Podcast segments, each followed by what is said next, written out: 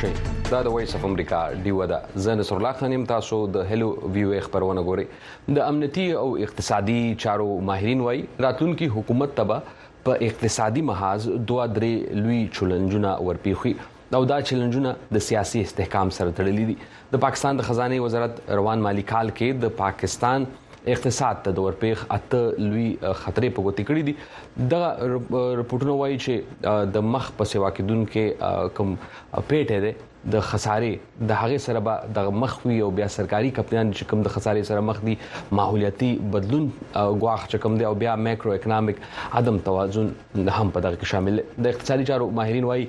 دا وخت د پاکستان د زر مبادله ذخیره اته ارب ډالر ده او د دې هواد ته به په راتلونکو شپږو میاشتو کې سلیریش ارب ډالر بهرنۍ قرضې بیرته ستنول وي د اقتصادي چارو ماهرین وایي د معاشي ستونزو ټیټې اقتصادي وده او ګرانۍ سره مخ پاکستان کې د یو داسې مستحکم حکومت ضرورت دی چې د سختو اقتصادي پریکړو توان ولري بل اړخ ته د درجه بندۍ نړیواله ادارې فچ په خپل تازه رپورټ کې ویلي دي د آی اېم اېف سره د پاکستان د لنډمهاله قرض موده د مارچ په میاشت کې سرته رسي او د نړیوالې مالیاتي ادارې سره یو نوی تړون د پاکستان لپاره ډېر مهم دی. د درجهبندۍ نړیوالې ادارې دا هم اندېښنه څرګنده کړې، د مسلم لیګ نون ګوند او د پیپلز پارټۍ د احتمالي حکومتي اتحاد ورسته کله تحریک انصاف ډله نور هم له پامه وغورځول شو نو ولسی غوسه د سیوا کېدو خطر هم ده او د اقتصادي چارو ماهرین وایي د درجهبندۍ د نړیوال ادارې فچ دا راپورټ واضح اشاره کوي چې د پاکستان اقتصادي اشارې به لا نورې پخکته ځي فچ په خپل راپورټ کې منلې ده چې په اوسنیو میاشتو کې د پاکستان بهرنۍ پوزیشن سه او خښوي ده خو ښکار دی وی تر دې وړاندې آی ایم ایف په خپل راپورټ کې ویلو چې په دوه زره څلوېښت م لپاره د پاکستان میاشت معاشي پرمختیا رفتار کې کمی پیشبیني کړې وه او بیا ویلي چې د اقتصادي ترقۍ کچه اندازه دوه فیصد ته راکوزېدلی شي د نوي حکومت اقتصادي ستونزې چیلنجونه به څه وي په ګرانۍ قابو موندل به ورته څومره لویه مسله وي په دې اړه باندې خپرونه کې ملمانه لرو پښتنې تر کو خو وړه شانته د مخلو بیا راځو خبرونه په وړاندې بوزو د ډیو سره وسایي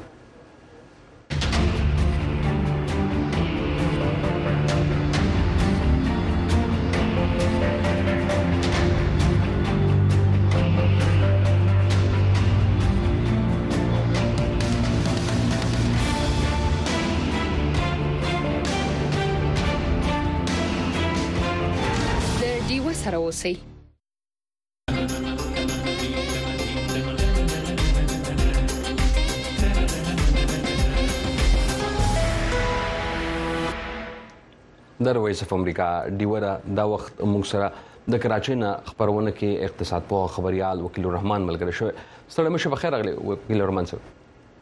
ډیره مننه خوشاله اوسې آباد اوسې. مننه کوو چې د وخت راکولو. د پاکستان کې چې کله په اتمه فرورۍ انتخابات وشو د هغې نه وروسته د ټګیو او د درغلیو تورونه خو چې بیا کله د پاکستان تحریک پاکستان پیپلز پارټۍ او د پاکستان د مسلم لیګ نون ترمنځ د حکومت په جوړېدو څه موافقه وشوله د هغې نه وروسته دا ویل شول چې د سټاک مارکیټ په چې کم دی نو هغه کې هغه بره باندې تل دی آیا د سټاک مارکیټ په بره باندې تک او یا ښکته تک دا د څه سره تړلې دي بنیادی طور باندې سټاک مارکیټ چې دی هغه چې ملک کې یو انسرټینټی راځي هغه کار لحاظ سره خاص طور پولیټیکل انسرټنټی چې دینو دا غي په وجه باندې سټاک مارکیټ چې کم انویسټرانی هغه د دینه ډیر زیات متاثر کیږي نو کم چې 8 فروری باندې کم الیکشن شو دا غي په نتیجه کې بیا یو صورتحال داسې راغلی وو چې دا نه پته نه لګی دا چې دا حکومت به څوک جوړایي مسلم لیگ نون پیپلز پارټي کولیشن به جوړایي آیا تحریک انصاف چې دینو هغه ته یو پیپلز پارټۍ سره یو ځای شي حکومت جوړولی شي یا څه صورتحال به جوړیږي نو د دې په وجه باندې چې کوم یو انسرټنټي وه د هغې په مارکیټ کې نه صرف په سټاک پاکستان سټاک ایکسچینج کې د هغې ډېر زیات اثر ښکاره شوی بلکې انټرنیشنل کریډټ مارکیټ چې په هغه کې چې پاکستان چې کوم دغه ډالر چې کوم دغه بونډ دي دا هغه چې دینو ریټ ډیر سیوا شوی نو اوس چې کله نه پرون اول ورځ دا اعلان وشو چې دا نواز شریف پیپلز پارټي او مسلم لیګ نون چې کولیشن کوم جوړي هغه انسرټینټی چې څنګه ختم شو نو نن مونږ ولید پرون مونږ ولید چې سټاک مارکیټ کې دوباره ریکوري شروع شو صحیح مطلب دا چې د سٹاک مارکیټ یا اقتصاد چې کوم د سیاسي چې کوم ثبات دی د هغه سره تړلې ده کچرته سیاسي بې ثباتي راځي او دغه شانتي انسرټینټي غیر یقیني صورتحال پاتې کیږي نو دغه سٹاک مارکیټ باندې دا بخکت راځي د کم خلکو سچ پیسې دي یا کم چې انویسټمنټ انویسټران دي هغوی به بیا د دې نه یریږي چې دغه پیسې ولګي آیا په پاکستان کې په دې حالاتو کې چې کوم ماحول دی هغه انویسټرانو کې په هغه پاړه باندې څه ویل کیږي نو دا هو یقیني خبره ده چې کم سرمایه کاری دا ډیر زیات حساسي که ملک کې دننه کم سرمایه کاری او که د ملک نه باري هغه دواړه چې دینو په دې خپل چې یو ځای کې خپل یو سرمایه کاری کوي نو هغه غواړي چې دا هغه مخ کې مستقبل ورته ښکاری خپل پلانینګ کوي د کال دوه کالو درې کالو دا هغه خپل د لس لس کالو بلکې دینه زیات هم پلانینګونه یي چې دا زه انویسټمنټ کوم نو چې د دې به ماته د هغې څنګه آوټکم به څنګه ملاویږي او خو که هغې ته روان مستقبل نه ښکاري را روان دوه درې میاشتې شپږ میاشتې کال مخکې هغې ته مستقبل هغه واضح نه نو هغې کې هغې بیا دا کوي چې ویټ اینډ سی پوزیشن ته لاړ شي اوس چې د جنوري کم ډیټا راغلې ده د پاکستان کې چې کم فورن انویسټمنټ نو هغې کې هم کمې راغلې دي د جنوري کې مطلب چې کوم د الیکشن او د هغه کې تدا پته نه لګي د الیکشن بکیږي الیکشن نه کیږي الیکشن کیږي نو نتایج به سره دي د دې په وجه باندې باقاعده بیرونی سرمایه کاری چې کم کمی پدې کې راغلو بیا په عمل کې دنه چې موږ وګورو نو هم پدې کې چې سمرا لکه پاکستان سٹاک ایکسچینج نو تقریبا د جنوري نواله اوس پر دې کې 60000 پوینټس پدې کې کمی راغلي دي بیا انډستری کې مونږ ګورو په هر شوبه کې ګورو نو دی وخت کې دا بدرې میاشتې چې دا کم بې ثباتی و سیاسي لحاظ سره داغه په وجه باندې چې دینو سرمایکارو لاس په لاس کې دي او هغه دا صورتحال کټو اوس کوم مخ کې را روان وخت کې د دې الیکشن ته فوش حکومت هم جوړیږي او په اپوزیشن کې دومره غټ یو پاور سره چې دنو تحریک انصاف موجود دی جی یو ای موجود ده ان پی موجود ده د کشن په پښتونخوا ملي عوامي پارټي دا د اپوزیشن کې دي نو خطر دا سي چې را روان سو وخت پس چې دینو دا بل ثباتی دا دوباره راتلی شي او که دا دوباره د قشن د صورتحال جوړ شونه د دې بچلې پاکستان خو اس مخکې نم د معاشي ستونزو سره مخ کې دي هغه ته دا پولیټیکل انسرټنټی دا بې ثباتی چې دنو دا را روان وخت یو غټ ترټ په تور باندې مخ کې راتلی شي صحیح وکړ رحمان صاحب یو طرف ته د پاکستان وخت په وخت باندې ک د ریسرچ لپاره تحقیق لپاره څوک ټي وی ګوري نو هغه ته دا پته لګي چې باز ټیم کې زیات د ګرانی خبره کیږي مایکونم خلکو اغستوي وخت په وخت باندې داسې لګي چې دغه وستون زده بیا دغه نورستا د ډالر په خکته بره باندې هغه ک بدل شو د ډالر د پاکستان په میډیا باندې هر وخت کې په بریکینګ نیوز کې چلیږي چې خکت لړ بر لړ خو بیا دا ورک شي آیا د میډیا دغه کردار یا د سیاسي زیاتره که دغه ویل کېږي چې یا د په سیاسي معاملاتو کې دا سيزونه استعماليږي دغه بیانیه جوړې دوه لپاره استعمالي د دې اثر کچرته انویسټر یا سرمایکار حساس وي نو پاغي باندې بیا سوي ډالر چې د اصل کې پاکستان چې د یو هو ډیر وړوکی معیشت دی بیا د ډالرو هو هر وخت کې پاکستان کې کمی مطلب دی وخت پاکستان چې د نو ټوټل چې د ریزرو چې هغه اتر ارب ډالر دی چې دا هیڅ شیم نه دی او دا زمونږ چې د نو را روان وخت کې چې دا امپورټ په چې داغه ادایګیانو کې قرضونو واپسو کې هغه ته چې هغه غټ غرته چې وګوره داغه مطابق د اتر ارب ډالر دا هیڅ شیم نی نو ددی په ریکوری ددی په وجه باندی چه کوم ددی صورتحال نه چه دی اکثر سیاسی طور باندی یا چه په ملک کی مختلف پلیرز دی که هغه بینکونه دی که هغه داسی خلک دی چه هغوی ددی صورتحال نه فایده اوچتوی چه کله هغوی ته داسی ښکاری چه راروان وخت کی څه پیمنټ کول دی انټرنیشنل د قرض واپسی ده یا داسې څه دغه دی نو هغه ډالر اغشتل شروع کی هغه کورونو کې کې دی بانکونو ولا چې دغه صورتحال نه فائدہ وچتای نو ډالر په برتل شروع شي خو چې کله کله ادارې حرکت کې راشي نو هغه په نتیجه کې چې دا کم لګ اور چې دی بانک کې نو دغه هغه صورتحال به تر شي نو ډالر کته راشي دا یو تیر څه وخت کې موږ دا ولید چې کریک ډاون شو مختلف حواله اونډي د کشان منی لانډرینګ او د دې بانکونو باندې سختی رااله نو ډالر صورتحال څه بهتر شو خو داغه باوجود د دومره خپ پوزیشن کې وسم نه دی لګ چې دینو دا چې دا سختی کم شو یا لغون ته د پیمنټ سره پریشر رالو نو دا ډالر دوباره چې دینو دا بر سپا غنټو کې پرځو کې دا دوباره لو د دې یو خطر او د دې عام خلکو ته پګرانې کې د دې چې دینو ډیر غټ د نقصان د دې پر دې ځکه چې د ملاوي شي ځکه چې ډالر سره زموږ اکانومي لینک تا او ډالر برتلو مطلب دا دی چې غراني هر یو شي غرانيږي یو طرف ته چې د حکومت جوړ شوی هم نه دی او دغه خبره هم کې د وخت په وخت باندې کیږي چې نوې حکومت ته هغه ته به چیلنجونه ډیر زیات وي اقتصادي چې کوم چیلنجونه دي یا ستونزې دي دا به ورته ډیر زیات وي دی به آی ایم ایف ته خامخزي دا چې کوم سټاند بای اګریمنت دی اس بي ار دا ختميږي نوې اګریمنت به کول غواړي د آی ایم ایف نوې معاهده به کول غواړي د دې معاهده او یا د آی ایم ایف چې کوم سروان دي نگران حکومت د نوې حکومت د هغه شرایط پوره کړی دي یا پوره بکی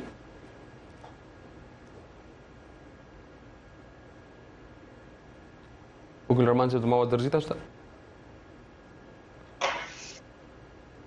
ها وکیل رحمان صاحب زموږ سره موجود دی د کراچۍ نه اقتصاد په خبريال د هغې نه موږ د پښتنې وکړلې چې پاکستان کې دا وخت د وندو بازار کې برواله راغله نو هغه هم د سیاسي ثبات سره تړلې که خو چرته سیاسي استحکام نه وی غیر یقیني صورتحال وینده واپس خطرتلی شي وکیل رحمان صاحب ما پښتنه هم په دغه اړه باندې کوله که چرته د پاکستان د آی ایم ایف سره نوی تړون د پارزي زاړه چې کوم اوس نگران حکومت د نوې حکومت ته به اوړېدل وي د مارچ درشمه نیټه ده د پاکستان تیارې شته ورته بالکل تیاری خو مخامخ دی وخت اوس نه ښکاری د هغې وجه دا ده چې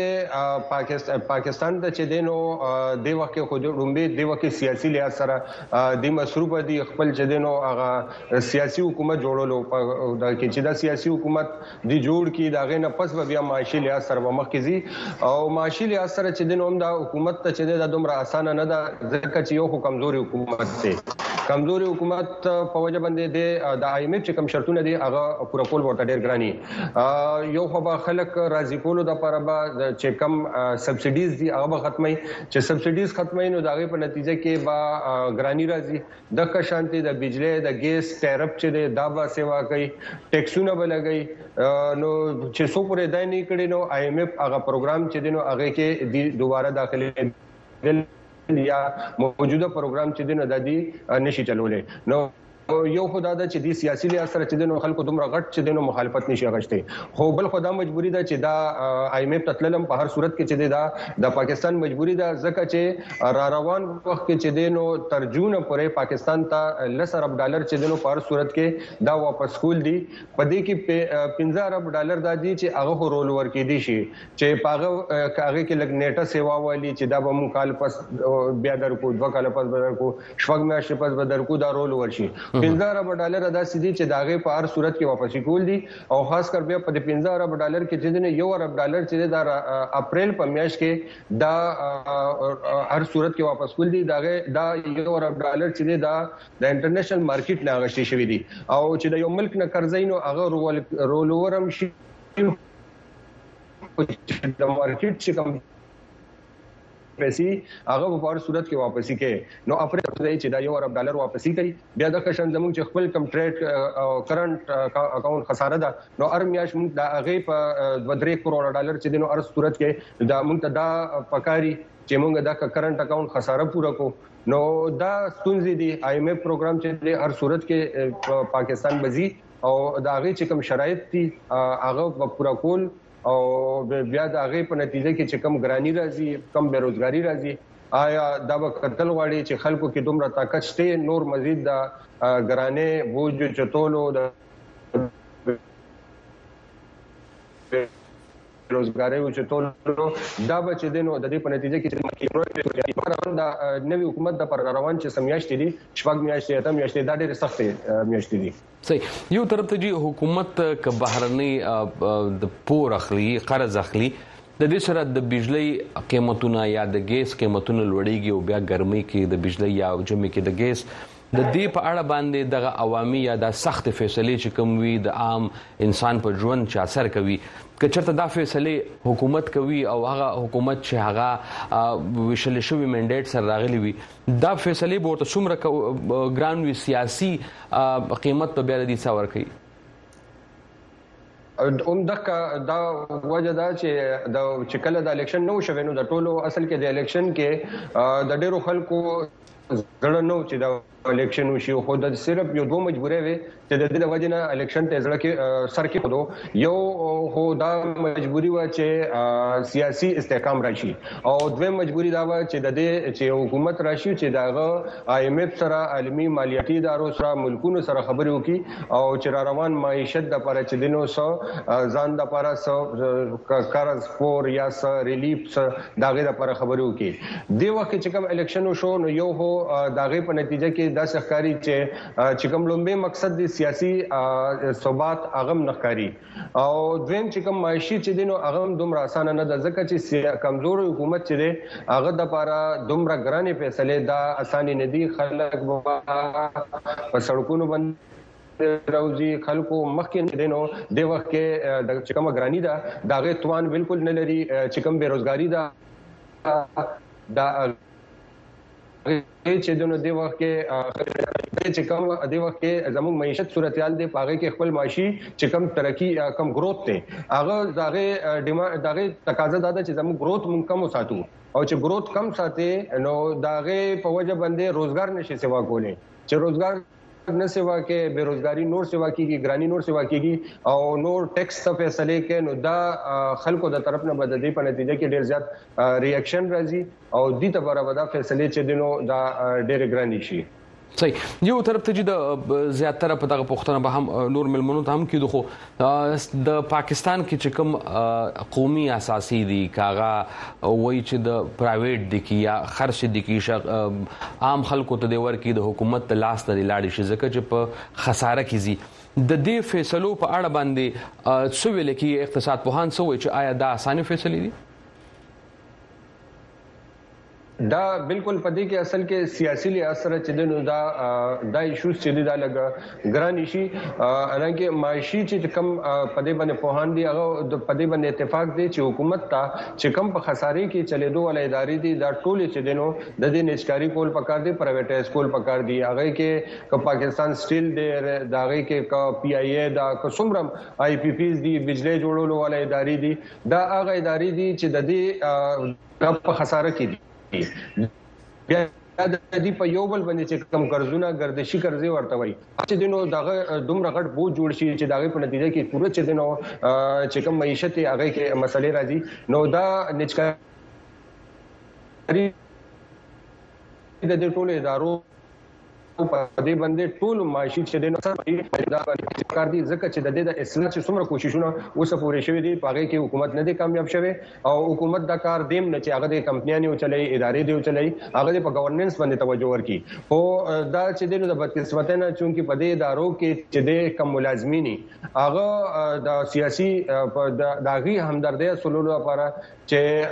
په دې کې چې خلک به بې روزګاره بشي او که پرایویټایز شي نو دغه خلک به چې وباسي د دې ادارو نه نو د هغې همدردۍ اصلونو لپاره یو سیاسي پوینټ سکورینګ په تور باندې چې دینو سیاسي جماعتونه د دې مخالفت کوي او یو حکومت هم چې دینو هغه د سخت فیصلو نه چې دینو ګریز کوي خو اوس داسې دا وخت چې دا اوس یو یو لازمی او جز جوړ شوی دی چې په دې نجګارې د پاره به حکومت سنا څه چې دینو دی با سنا څه فیصله کوي او هم د کوجه دا چې پیپلز پارټي چې دینو هغه حکومت راتلو ته تیار نو ځکه چې هغه تخکاری چې یو خو دا چې کم سخت فیصله به کولی پاره کې ټولو غټه یو فیصله دام د چې کم دا ادارې پرایویټایز کیږي دا یو خلک بیروزګار خلک پر بیروزګار کیږي یا دا مراعات کمیږي د سرکاري ادارې نه ملازم نه هغه پرایویټ ملازم په تور باندې کنورټ کیږي نو دا غي چې کوم ریاکشن راځي د دې ته چې دینو د ته سیاسي تور باندې سیاسي دي چې تیار نه دي ځکه چې په دې کې دا ټال مټول چې کوي دا غي وجه ده او دې وخت کې دا څه کارل چې آی ایم ایف چې د څومره چې وسه پر ورته مهلت ورکړي اوس دا څه کاري چې مزید مهلت به ورنکي او هغه به د دې پرایویټ سکول د پر بچ دینو هغه به لازمي دا ډیماند وکړي صحیح ډیره زیاته مننه کو وکیل رحمان صاحب تاسو وخت را کړو جهان مننه مهرباني مننه د دیو کتونکو ردونکو مو سره وکیل خا... وکیل رحمان صاحب د کراچۍ نه اقتصاد په خبريالو هغه په چکس روان دي په هغه باندې خبره وکړه تاسو خبر کړی د نړیوالې درجه بندۍ ادارې فچ هم د پاکستان د اقتصاد په اړه باندې څورزي مخکې رپورت جاری کړی دی په دغه کې څو ویل شوې دي د سیاسي ثبات په اړه باندې څو ویل شوې دي دغه رپورټ چې د اسلام آباد د ډیو خبريال ارشد حسین را لګل دغه ګور او به راځو خبرونه په وړاندې بوزو موږ سره ملمنوي د ډیو سره وسی د درجه بندۍ نړیوالې ادارې فچ په خپل تازه رپورت کې ویلي د ایم ایف سره د پاکستان د لړمحاله قرض پروګرام موده د مارچ په میاشت کې سر ترسي او نړیوالې ادارې سره یو نوی تړون د پاکستان د اقتصادي صندوق د کنجې په معنی دی رپورټ وايي که چېرې پاکستان په راتلونکو څو میاشتو کې د آی ایم ایف نه پور ترلاسه هم کړو نو په راتلونکي مذاکراتو کې ناکامي به د پاکستان په مالي سرچینو د فشار او د اقتصادي سقوط امکان کې د اضافې سبب شي د اقتصادي چارو ماهرین وايي د درجه بندۍ د نړیوالې ادارې فچ دا رپورټ واضحه اشاره کوي چې د پاکستان اقتصادي اشاریې به لا نورې هم په ښکته ځي. ریاض صدر به کار دي چې پاکستان ته به د اپریل په راتلونکې میاشت کې یو بلین ډالره قرضه بیرته ستنول وي او د دې سره د روان مالي کال تر پایه به نورې څلور بلینه ډالره پیمنټ کول وي او دا ټولې ادایه ګیانې هغه وخت کیدی شي چې د آی ایم ایف سره د قرض یو بل اوږد مهاله لوظنامه وشي او د آی ایم ایف سره نوی پروګرام هله کیدی شي چې په ملک کې سیاسي استحکام وي او یو داسې حکومت جوړ شي چې اقتصادي میثاق وکړی شي. د درجه بندۍ نړیوالې ادارې دا اندېښنه هم څرګنده کړې ده چې د مسلم لیګ نون ګوند او د پیپل پارټۍ د احتمالي حکومتي اتحاد وروسته که تحریک انصاف ډله نوره هم له پامه وغورځول شوه نو ولسي غوسه سیوا کېدی شي. فچ په خپل رپورټ کې منلې ده چې په اوسنو څو میاشتو کې د پاکستان بهرنی پوزیشن یو څه ښه شوی دی. د ادارې تر مخه د پاکستان د سټېټ بانک د بهرنو اسعارو ذخیرې د فرورۍ تر میاشتې سېوا شوې دي او اته اربه ډالرو ته رسېدلې دي چې پروس کال تر درېیمې فرورۍ دا تر دوه اعشاریه نهه اربه ډالرو په ټیټه کچه وې. د فچ رپوټ وايي چې د متوقع بهرنۍ مرستو تر لاسه کولو ضروریاتو په مقابله کې دا ذخیرې کمې دي او په راتلونکي څو کلونو کې به پاکستان ته په لاس کې د لرونکو ذخیرو نه زیاتې پیسې ستنول یا ادایګیانې کول وي.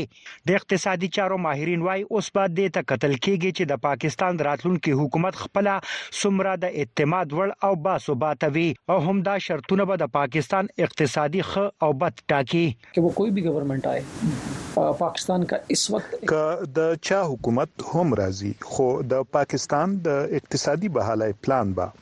د آی ایم ایف بغیر نیمګړی وي کہیں یہ رائے پائی جا رہی ہے کہ نہیں جی ہم دیکھیں گے کہ ہم آئی ایم ایف کے بغیر کیا کر سکتے ہیں۔ فیچ ویلي د ګڼ اړخیزه او دوه اړخیزو شراکتدارانو نه مالي کومک ترلاسه کول به د پاکستان د راتلونکي حکومت د ایجنډې په سر کې وي. ښکاره دې وي چې تر دې وړاندې آی ایم ایف په خپل رپوټ کې د مالي کال دوه زره څلوېښت لپاره د پاکستان د معاشي پرمختیا رفتار کې د کمۍ پیشبیني کړې ده او د اقتصادي ترقۍ د کچې اندازه یې دوه فیصدي ته را کوزه کړې ده. ارشد حسین، وایس اف امریکا، ډیوه، اسلام اباد.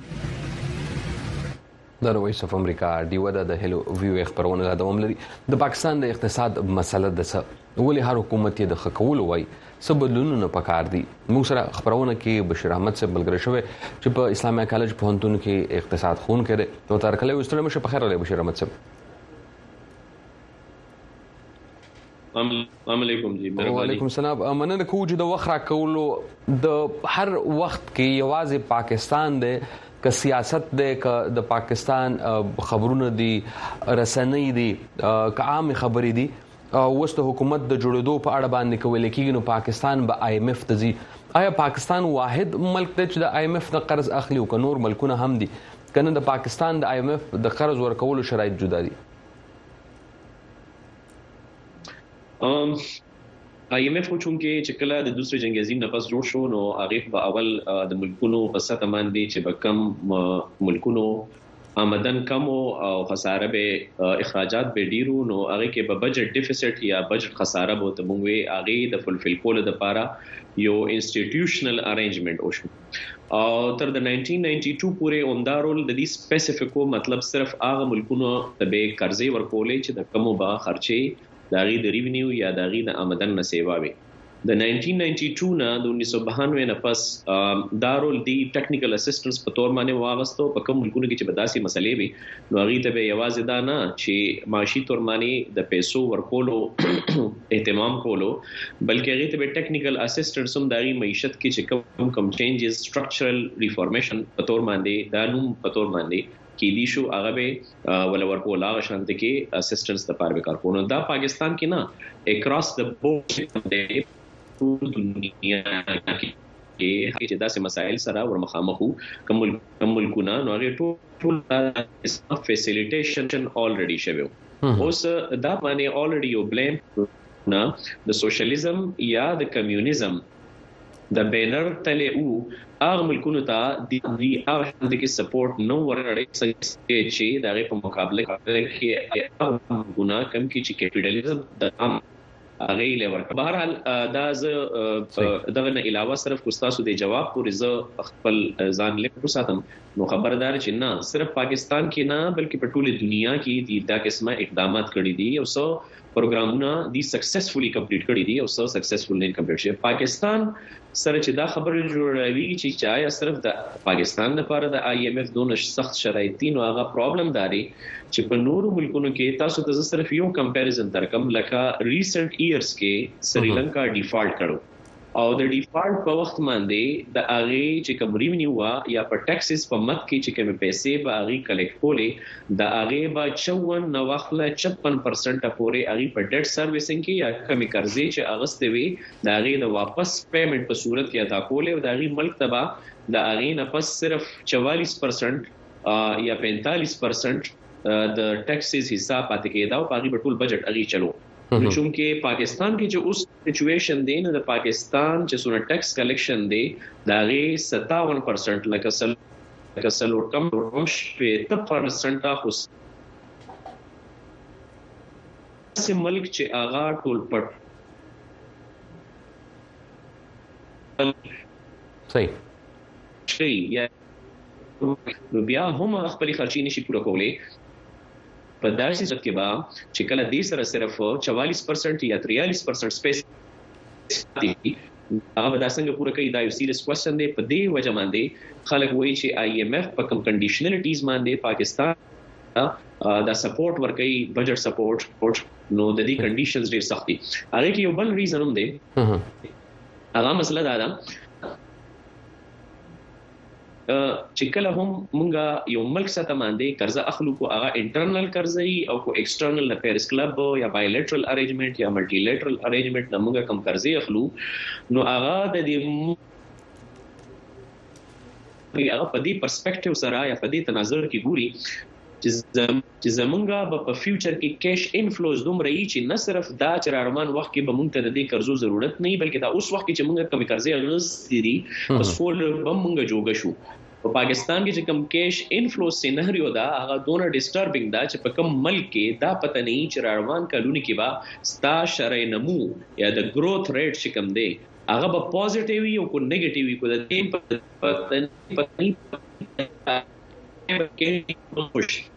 دې وجه باندې آی ایم ایف لا کار څنګه ورکړل شي او آی ایم ایف چونکی د یو بانک بانک په شان کار کوي او بانک همیشه دوه سيزونه ګوري یو دا ګوري چې ستا مورګیج دا غي سره سپروت دی خدای نه او دویم خبره دا چې د دې پین بیک چې واپس د دې قرضونو د ورکولو لپاره ستاسو سره په کنټري کې یا په ملک کې میکانیزم سره خو په پاکستان کې خو چونکې دې سره څه داسې میکانیزم نشته هغه شرعي نمو به دومره زیات شي یا د دې ګروث ریټ به دومره زیات شي پاکستان کې به پراسپیرټي راشي پاکستان معیشت به ډیر زیات خوشي او بیا د کیش انفلوز به دونه ډیر شي چې پاکستان به آی ایم ایف له خپل قرضې واپس ورکړي او د خپل انټرنل مسلې د بیلانس اف پیمنټس او د بجټ مسلې به په حل کړي نو داسې خو سيناریو نشته په دې وجه باندې آی ایم ایف چې کله هم دی سره اګریمنت کوي نو پای کې شرایط لګي او شرایط مینلی سي چې تاسو سبسډیز ختم کې تاسو ټیکس کلیکشن ډیر کې تاسو د بجلی په مد کې یونټ ګران کې تاسو د ګیس نرخ ګران کې ځکه چې هغه یو بانک ته هغه به یو پینګ بیک د واپس ورکول یو پالیسی هم ده چې ما تاسو ته چې ټیکنیکل اسسټنس په نوم زمونږ پالیټیشنز چې ال تلړ شي نو د اغینوم ټیکنیکل اسسټنس واخلي او په هغې باندې هلته کې چې کوم دي خوشحالیانې مناو کی او بیا دلته خلکو ته وایي چې دا درمانې آی ایم ایف دا کنډیشنز خې آی ایم ایف درمانې دا شرایط نه دي خې دا ستا د ملک واکدارانو چې په کومه طریقه دا ملک چلولې دي او اوس مخ په وړاندې د تلو قابل نه دي دا د دې د وجې تا ته د شرایطو مخامخ اوس پاکستان کې خا پښتنه هم دغه راځي چې ولې وخت په وخت باندې د ایم ایف نه پروګرامونه هم کیږي دا اس بی ایم د سر ترسي نوې پروګرام ته به همزي د بار هم پیسې راځي د پاکستان په اقتصاد کې مسله څه د ولې بیا په خپل خپل ودري پاکستان کې بیسیکلی موږ دا وایو کنه چې دلته چینلایزیشن اف ریسورسز هغه پراپر نه کیږي او دا غي بنیادی دوه درې وجې دي داسې ده چې کوم ملکونو هم د آی ایم ایف پروګرام راغلی نو هغوی وویل چې موږ ری سټرکچرینګ کوو، انسټیټوشنل ری سټرکچرینګ هم کوو او جنرل ری سټرکچرینګ هم کوو. په پاکستان کې چې څومره پیسې اخیستل کیږي یا څونه زموږ انکم دی د هغې هغه چې موږ کله هم د آی ایم ایف نه قرضې واخلو یا د نورو ملکونو نه قرضې واخلو هغه موسټلي د کرپشن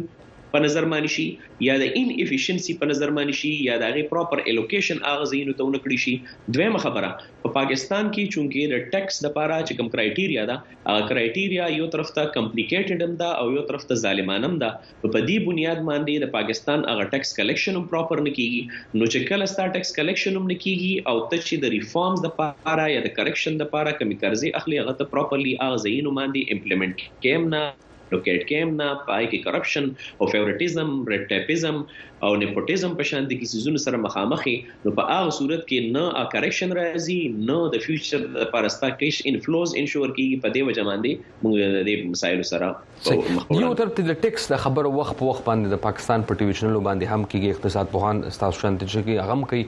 نړیواله مالیاتي ادارو هم دغه د پاکستان د ټیکس په سیستم باندې خبره کوي خو یو غریب سړی چې کارډ مخلی پاغه کې ډیر زیات پیسې د ګټ کیږي کاغه گاډي ته تیل خپل موټر سایکل د تیل مچي پاغه کې ته پیسې ګټ کیږي مارچ شو ډبه مخلی پاغه کې داغې نه ټیکس سینو دا ټیکس خواغي ورکي د څنګه ټیکس ته چې بیا سړی دغه ټیکس خبره کوي دا تاسو ډیر انټرېسټینګ سوال دی په دې معنی زه اکثر دلته کې په پاکستان کې چې دنه په خپل کلاس رومز کې یا دلته چې کوم ټي وي چینلز دی غیسرم زه خبر کوم هغه زه ورته وایم چې دا پاکستان کې چې دا کم انډایرکټ ټیکسیشن دی انډایرکټ ټیکسیشن مونږ دې ته وایو چې تکل سیزونه اخلي ګډز اند سرویسز اخلي او هغه باندې ټیکس ورکې ته ماچس او تیلې اخلي ته شیمپو اخلي ته صابون اخلي ته چپل اخلي ته کپڑے اخلي په دې چې کوم پیمنٹ ته کې ګورنمنت ته هغه ته انډایرکټ ټیکسیشن وي یو خو دا چې ان ډایرکټ ټکسیشن زه په غریبانانو باندې ټکس ویم دا غي زه تاسو له یو اگزامپل درکوم لکه د تیلو په ماچسو باندې چې تاسو مر ټکس ورکې یا د شیمپو باندې سومر ټکس ورکې یا په یو صابون باندې سومر ټکس ورکې هغه ټکس کم سړی چې په پاکستان کې لزر آمدن د هغه ما عمر ټکس ورکې جهانگیر ترین هم هغه عمر ټکس ورکې عمران خان هم په هغه عمر ټکس ورکې او نواز شریف هم هغه عمر ټکس ورکې په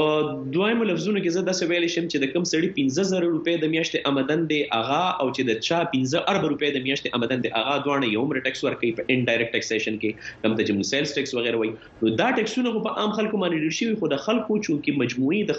خریداري استطاعت نشته د خلکو ایوریج انکم یا پر کیپټا انکم د غریبانو ډیر زیات کم دی پاکستان کې پاورټي لاین د دنیا خلک نو دی دومره زیات خریداري هم نه کوي څنګه چې موږ په یورپین سټانډرډ باندې ګورو چې په پر ایر کې خلک څومره خوراک کوي پاکستان کې داغه شپږم حصہ خوراک هم په ایوریج ان ایوریج په یو کال کې نه کیږي نو دی وجمانه دی په دې مت کې چې کم ټیکس کلیکشن دی یوازې دا نه چې هغه ظالمانه دی یوازې دا نه چې هغه په غریبانو ټیکس دی خو دا هم دا چې د اغه د وجې زموږ چې ټیکس کم ریکوایرمنټ هغه نه پوره کیږي د دې په پیرالل کې ته یورپین کنټریز وګورای یا امریکن وګورای یا کم چې ډیول ډیولپډ کنټریز ته موږ وایو په هغه ملکونو کې ډایرکټ ټیکسیشن طرف ته خلک زی مطلب سونه چې ستا پرسنل انکم سیوا کیږي د هغه عمره ستا ټیکس ورسره سیوا کیږي زمون په ملک کې خو یو دا خبره ده چې موږ درې قسمه ټیکسونه نارملی لګو یو ته موږ وایو پروپورشنل ټیکسیشن دی کته لز زره غټي کته شل زره غټي کته شل لک غټي کته شل کروڑ غټي ته به یو شانتي کې ورکه یوی چې پروګریسیو ټیکسیشن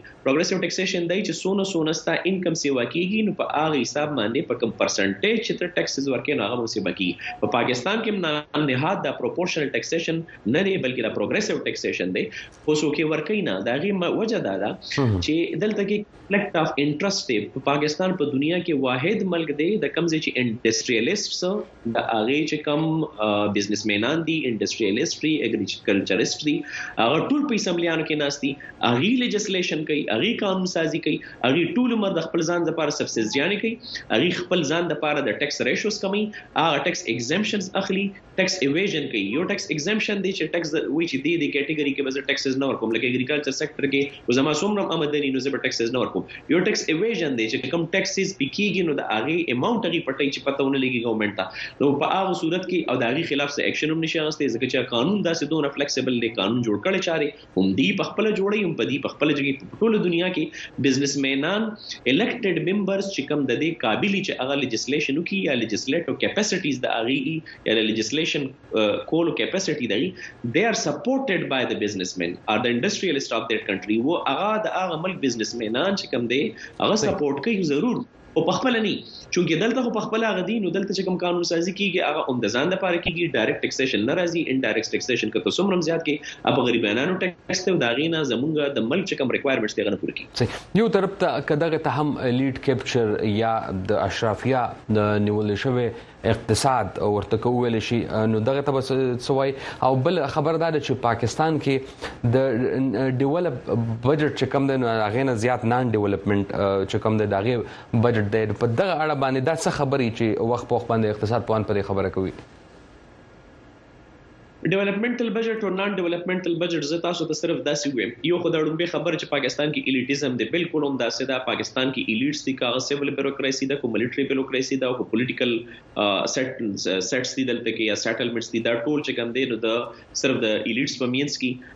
او ام ایلیډز چې کوم دی دا غي بچي بهر زینو کې سب کوي اغي بهر پلازي اخلي بهر انویسټمنټس کوي دا غي ټول هر څه صرف په دې ملک کې صرف حکومت لرازي پدې کې عام عوام رستورز غریب کیږي خو دا چې کوم دی د زرداری بچي مالدار کیږي د نواز شریف بلګي زمون په ملک کې غریب سړی ورس په ورځ غریب کیږي زه مکروزه کیږم زما بچي غب مکروزه کیږي د هر غریب سړی مکروزه کیږي د دې بچي ارپتان کیږي د څو کروڑپتی غا ارپتی شي چې څو ارپتی غا کرپتی کیږي تاسو لاست 30 فورټي ففټي ایرز وګورئ په پاکستان کې هر سړی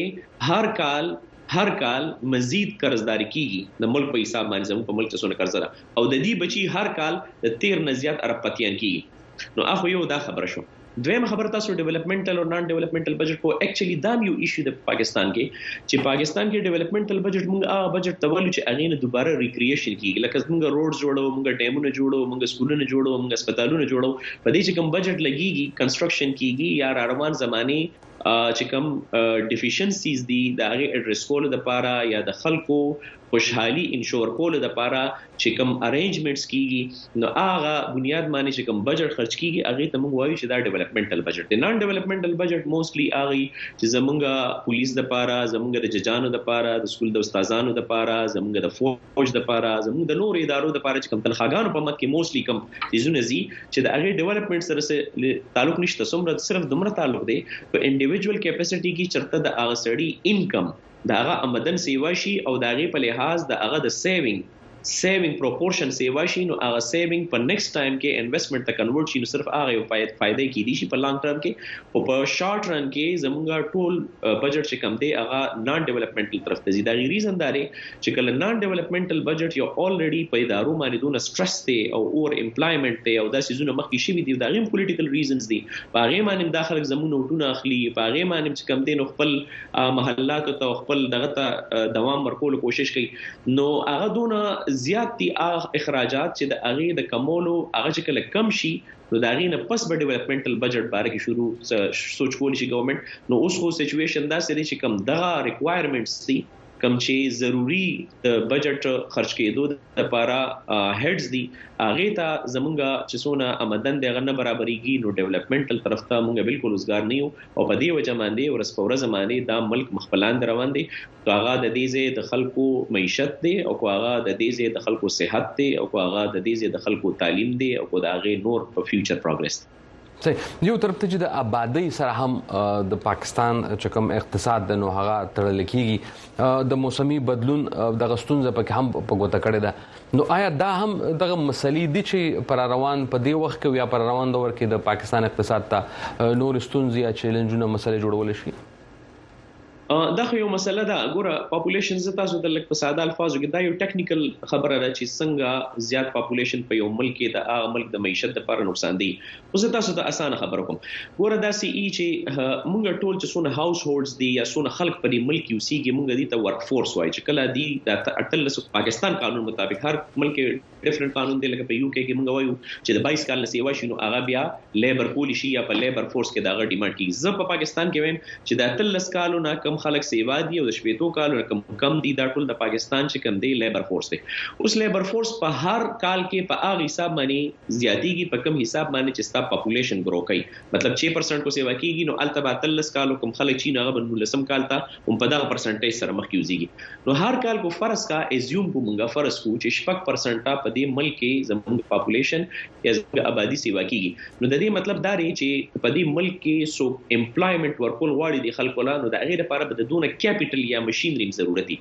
اوس مطلب دا دی چې کله ستاسو سره سل کسان دي او د سلو کسانو دپاره لټ سپوز د کار کولو دپاره شل سل مشینان پکار دي نو چې په راروان کال کې شپږ پرسنټه ستا ابادي انکریز شوه نو ایک سو چه کسان یا یو سل او شپږ کسانو له جواب ورکولو دپاره تا ته یو سل او شپږ مشینان ولاړ دي نو پکار دي نو کم از کم ستا په ملک کې سیوینګ خو دومره پکار دی چې هغه د شپږ پرسنټه ریټ کم از کم کور کړي خو دا نشي کور کولای نو ستا ملک ګرو نشي کولای موږ چې ګرو ته وایي کنه چې 0% ګروت دی او 6% فرق ستا سیوینګ دومره دی د ملک د ټولو خلکو سیوینګ چې هغه سیوینګ مونږه کله کیپټل ته کنورټ کو یا هغه پیسې انویسټ شي پراپرلی نو هغه به دون امپلایمنت جنریټ کی چې اټ لیست کم ایډیشن پاپولیشن راغلی نو هغه به کور کینو په پاکستان کې خو چې کم زمونږ سیوینګ دی هغه په ورځ په ورځ زمونږ چونکه پر کیپټا انکم یا ایوریج آمدنی کمیږي نو پای کې د سیوینګ غریشوم کمیږي چه سیوینګ ریشو کمیږی نو دا څونه خلک چه سږ کال په امپلایمنټ مانی نو راروان کال چه ورپسی اشته خلک له مونږ امپلایمنټ نشو ورکولی ددی په وجه چه انویسټمنټ کیپسټی یا مشینری مونږ سره کمه شوه اوس ورپسی دا ایډیشنل شپږ پرسنټه خلک راشو دا په معیشت باندی بوج شو ددی نه بل قسم ورپسی بیا شپږ پرسنټه راشی نو زه دا ویم چه یوازی دا یو ایشو خو دا چه بلکل پاپولیشن چه کله هم ستا د ګروت ریټ نه په زیات ریټ باندې انکریز کیږي نو د دې مطلب بده چې یوازې دا نه چې هغه کوم اډیشنل کسان یا نوی کسان مارکیټ ته روزي د جاب د لپاره غیته به جابز نه ملاويږي بلکې الریډي ایگزیسټینګ چې تاسو سره کوم لیبر فورس دی دا غي د جابز هم د تلو خطر ده او د دې سره منیجمنت یو سیس دی لکه تاسو په ډیولپ کنټریز کې وګورئ هغه خپل پاپولیشن مطابق هغه منیجمنت کوي یا پاپولیشن منیجمنت په کار دی دا د غیر په سیمه په کار اوس استاد من خو نه ته به د بار ملکونو نه انویسټمنټ اټریکټ کی د نورو خلکو کم سیوینګ پول چې د امریکا برتانیا د جنوب د یورپین کنټریز دي دا غیر سیوینګ به تر اف ډی آی په مت کې یا د پروپور پورټفولیو انویسټمنټ په مت کې اټریکټ کی او چې ستاسو ملک پولیټیکل انسټیبلی بدل ته لا ان ارډر سچويشن داسي ستاسو ډالر نن 2.5 سوي او سبا 3.5 سوي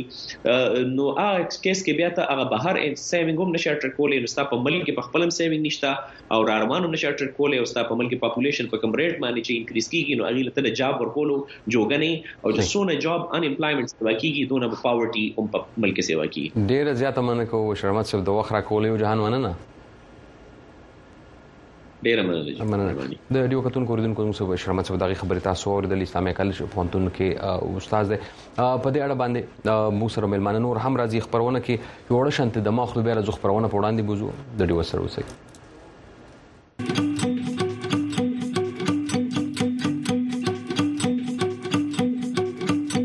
ویو ایډیو په سټلایټ ټي وي هر ورځ سلیویریش ساته په دیشنټینا تاسو په یو ټل سټلایټ په ټي وي تازه تولا او به تر په خبرونه بحثونه او سیړنی کتلې او اوریدلې شي د یو ټل سټلایټ فریکوئنسي یا سبې او یا بي او یا اشاریه 15 ایست چینل یو سلدري هر ورځ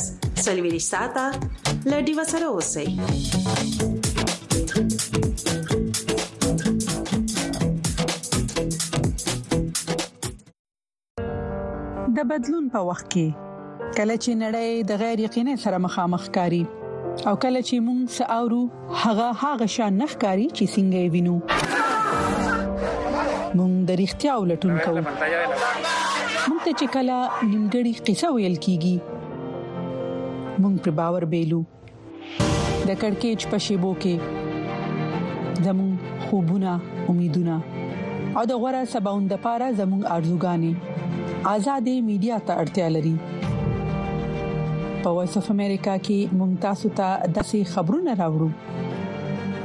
چې د قتل لپاره خلک د خطر سره مخامخ کوي مونږ نړۍ سره یو ځای کوو او اړتیا سره پیوست کوو په وایس اف امریکا کې مونږ تاسو ته پوره عکس درخایو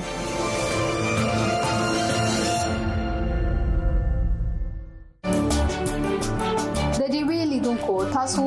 د ډي وی ویب پاڼه په خپل موبایلونو کې د ان ټي ایچ لینک اپ د لارې خلاصولای شئ د دې طریقه به تاسو خو یو چې تاسو په آیفون او په انډراید فون باندې څنګه کولای شئ چې دا غا اپ ډاونلوډ کړئ او له هغه ځای څخه د ډیوې ویب پاڼه وګورئ د ان ټي ایچ لینک اپ ډاونلوډولو لپاره که تاسو سره آیفون وي نو تاسو خپل اپل ستور پرانځئ او که له تاسو سره انډراید فون وي نو تاسو ګوګل ستور پرانځئ له هغه وروسته لټون کې ان ټي ایچ لینک ولیکئ او دا اپ ډاونلوډ کړئ په دویم پړاو د آی اګری ثنې کې کاږي او بیا د فلګ لاندې د کنیکټ ثنې کې کاږي او په دریم پړاو کې د اوکی تڼې یا بټن کې کاږئ لکه نکټېدو وروسته تاسو د دې وی پاڼه پرانیزئ او د خپلې خوښې خبرونه وګورئ او له هغه ځایه تاسو کولی شئ چې د خپلې خوښې ټول پروګرامونه ریپورتونه او لیکنې ولولئ او وګورئ د رويس اف امریکا ډیو د هلو ویو خبرونه لا دوام لري نو سره هم د پاکستان د اقتصاد په موضوع باندې د نړیوال چکم د درجبندۍ ادارې دي د هغه په رپورت او د ایم ایف چکم ویلي چې پاکستان کې اقتصادي وده به 2% وي د دې په اړه باندې پښتنه هم کوو د پاکستان کې چکم قامي اساسي دی ورته د غي د خرڅولو خبره هم کیږي د ټکسونو خبره هم کیږي په دې اړه باندې یو نظر بچو موږ سره هم په سټوډیو کې د ډیوا همکار او د مالی چارو باندې په محمد اکرام صاحب ملګری شو ورته کله و سره مشه په خیر محمد اکرام ملکم صاحب یو طرف ته ډیره عجیب وند خبر دی چې کله حکومت جوړیږي خلک کمپاین کوي نو هغه تور لګوي چې د حکومت اقتصاد تباہ کو زبې حکم خو بیا چې کله غو اقتصاد د تباہی کې غرا شي او بیا حکومت وکي د ایم ایف سره چې کله معاهده وشي خوشاله هم وي او هغه خپل لاسته راوړنه غني خو چې بیا کله هغه لری کیږي نو هغه پس چې کم نور غوندونه راځي نو هغه وي د اقتصاد تباکو دغه اقتصاد د خکېدو په ځای تباکي د تباہي د تورونه ولې پاکستان کې لګي وخت په وخت یقینا یو په پاکستان کې د وګړي مودې پالیسي نشته لري لانګ ټرم پالیسیز اکونومیک پالیسیز چې تګلارې کوم دي د اقتصادي گروث یا ودې لپاره په پاکستان کې کوټلي ګامونه نه دي پورته کړی شوی یعنی په پاکستان کې نوکرې خو یو کس ته ملاویږي خو داغه نیخ پنیغه اثر خلکو ته بیازي انډستریال ګروث په پاکستان کې نشته او یو لوی خبره کې د شي زمانه مخ کې د پروفیسور صاحب خبره هغه کړم چې دا خو په لند حساب کې کوه چې په یو کور کې خرچې سمره دي او آمدن سمره دي کستا خرچې سی وای او آمدن د کمی نو ته به د گاونډي نه یا د بل چا نه قرض اخلي د پاکستان هم دغه مثال دی خرچې سیوا دي او آمدن کم دي د آمدن کمی ذریعہ دي هغه ستا بیا هغه شان نه دي ته ستا ټیکسونه برابر دي ته ټیکسونه د خلکو نه پوره راغونډه په ټیکسونو کې د پاکستان ډیر لوپوز دي ډیر خامې دي غنه دي پوره کړی د هغه سره سره په پاکستان کې انډستریال ګروث چې موږ څه ته وایو صنعتي وده ته څومره څه پیدا کې او څومره څه بهر ته لګي ته د بهر نه برآمدات تاسو بهر ته برآمدات څومره دي یعنی بهر ته څومره سامانونه لګي او د بهر ملکونو نه به ملک ته د نسمره لګي نو دا یو یو اکای نه دا یو پوینټ نه دی چې هغه موږ یاد کو دا د ډیرو سيزونو یو مجموعه ده چې د هغه په بنیاد باندې د یو ملک اقتصاد ښه کیږي که موږ امریکې ته وګورو یا هندستان ته وګورو یا بنگلاديش ته وګورو هلته په مجموعي توګه خو یو دار چې هلته ګروث یا وده ډیره زیاته ده د پاکستان وده آی ایم اف 2.5% یاد کړی و هغه بیرته اوس 2% تر کم کړل ځکه چې هلته هغه هر څه غیر یقیني صورتحال په ملک دننه د بجلی قیمتونه سیوا دي انډستریل ګروث نشته دي نو د هغه په وجه باندې د هر څه کیږي او دا بیا پایلپ کیږي د یو بل د پاسه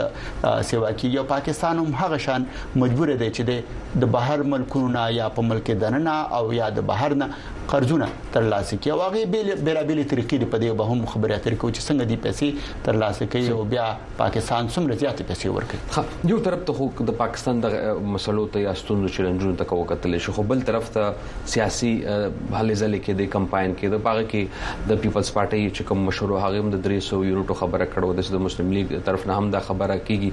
آیا دا دومره یونټ چې ورکې نو دوی سبا د پیسې د کم ځن راځي چې اخلي هغه پیسې به د کم ځن ورکې او د سبسایډیانو خبره هم کیږي چې انډستریانو ته به سبسایډي ورکې ایکسپورت بخکې دغه به څنګه کیږي دي یو خو دا سیاسي ناری دي چې دی با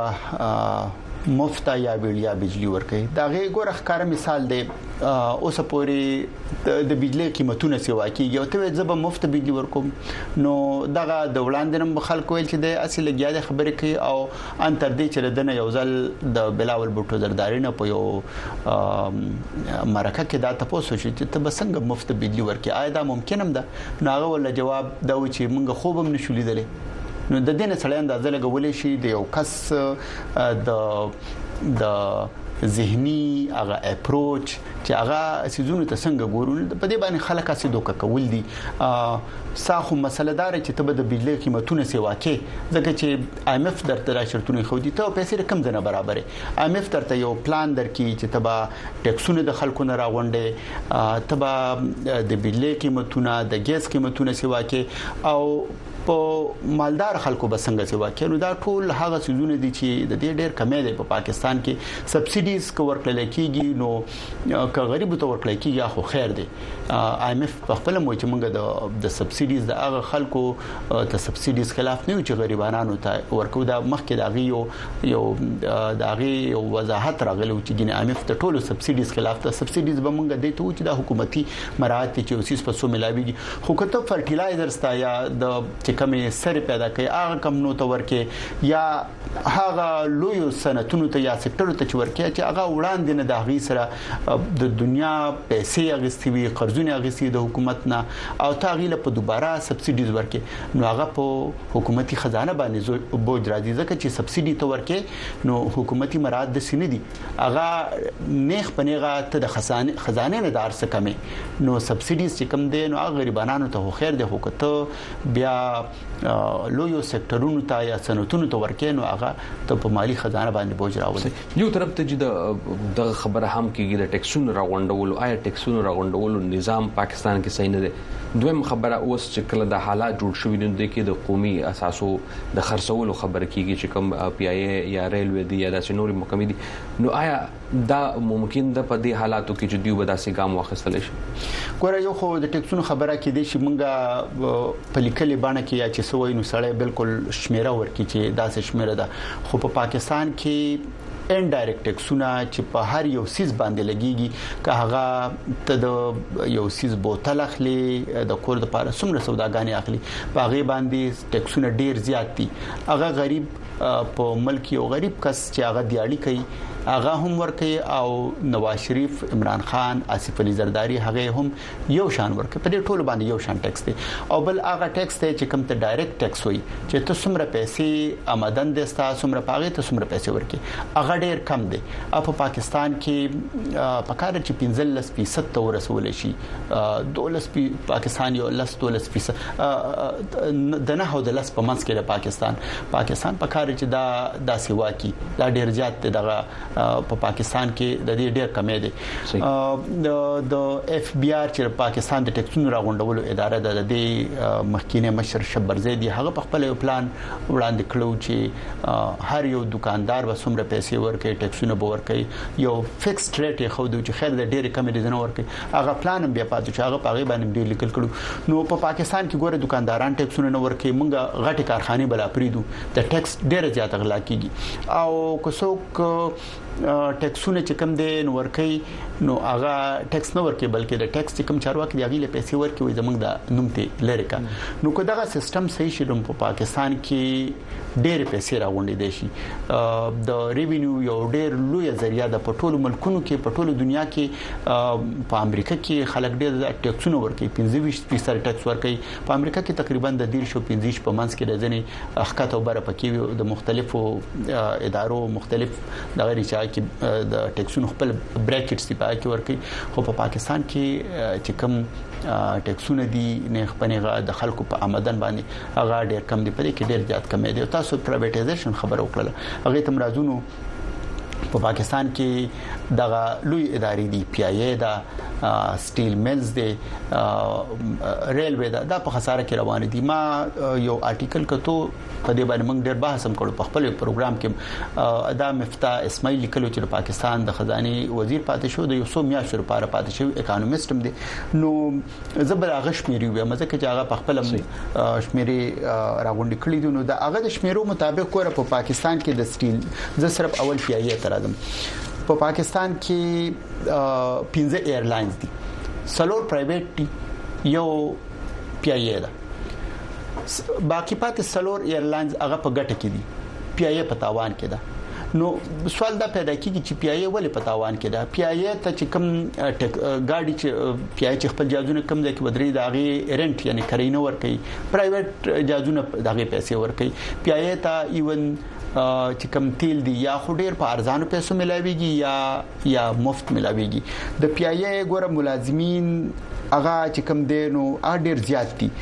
د پیایې ټول خرچه تاسو ته پتر تر اوسه پورې نه زره عرب روپۍ ده تاسو ته دینه اندازه لګولې شي چې په نه بهانه غواړم نه سوا بلین یا ارب روپۍ ده په دې باندې د د اندازې مطابق چې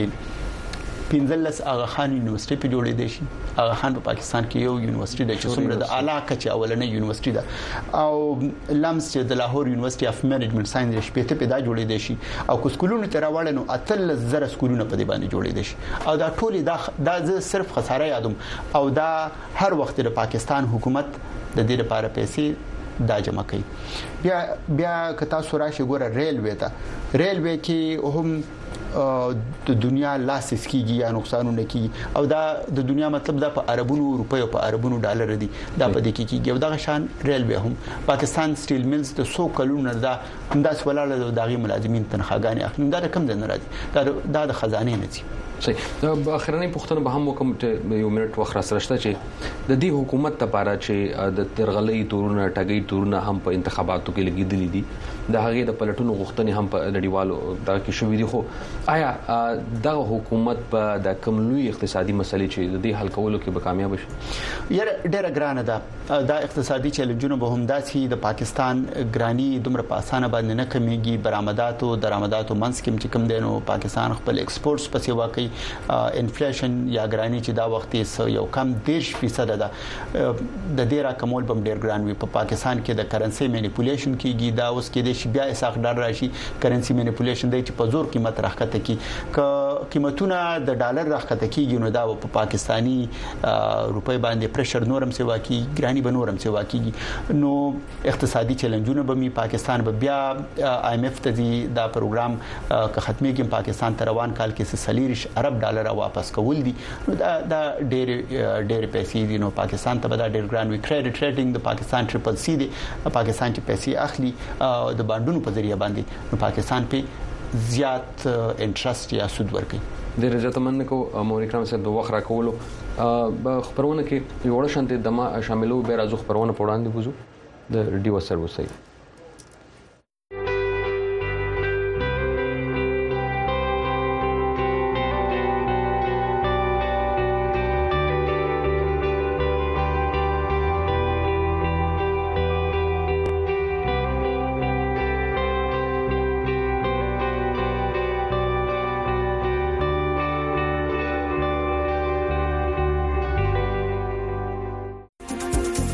په دې بحث کې چې تاسو کومې خبرې وره دي دا د ملمنو خپل نظر وو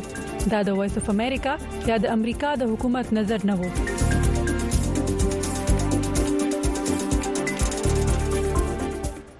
د رويس اف امریکا ډیوه ده د هلو ویو خبرونه تاسو نه خبرېږه د واشنگټن ډي سي سټوډیو نه کتل که تاسو د خبرونه پاتې شو یا نور خبرونه تاسو به ورسته هم د ویو ډیوه په ویب باندې فیسبوک او په یوټیوب باندې کتل شي تازه معلومات لپاره تاسو د ویو ډیوه ایکس او د خوندور رپورټونو لپاره تاسو د ویو ډیوه انستګرام لایک کول شي د پسې به تاسو ته لوی خبر پښتونخوا خبرونه نشروان قلندر صاحب وړاندې کوي په دې اړه باندې که څه هم تاسو وایي چې کوم خبرونه یا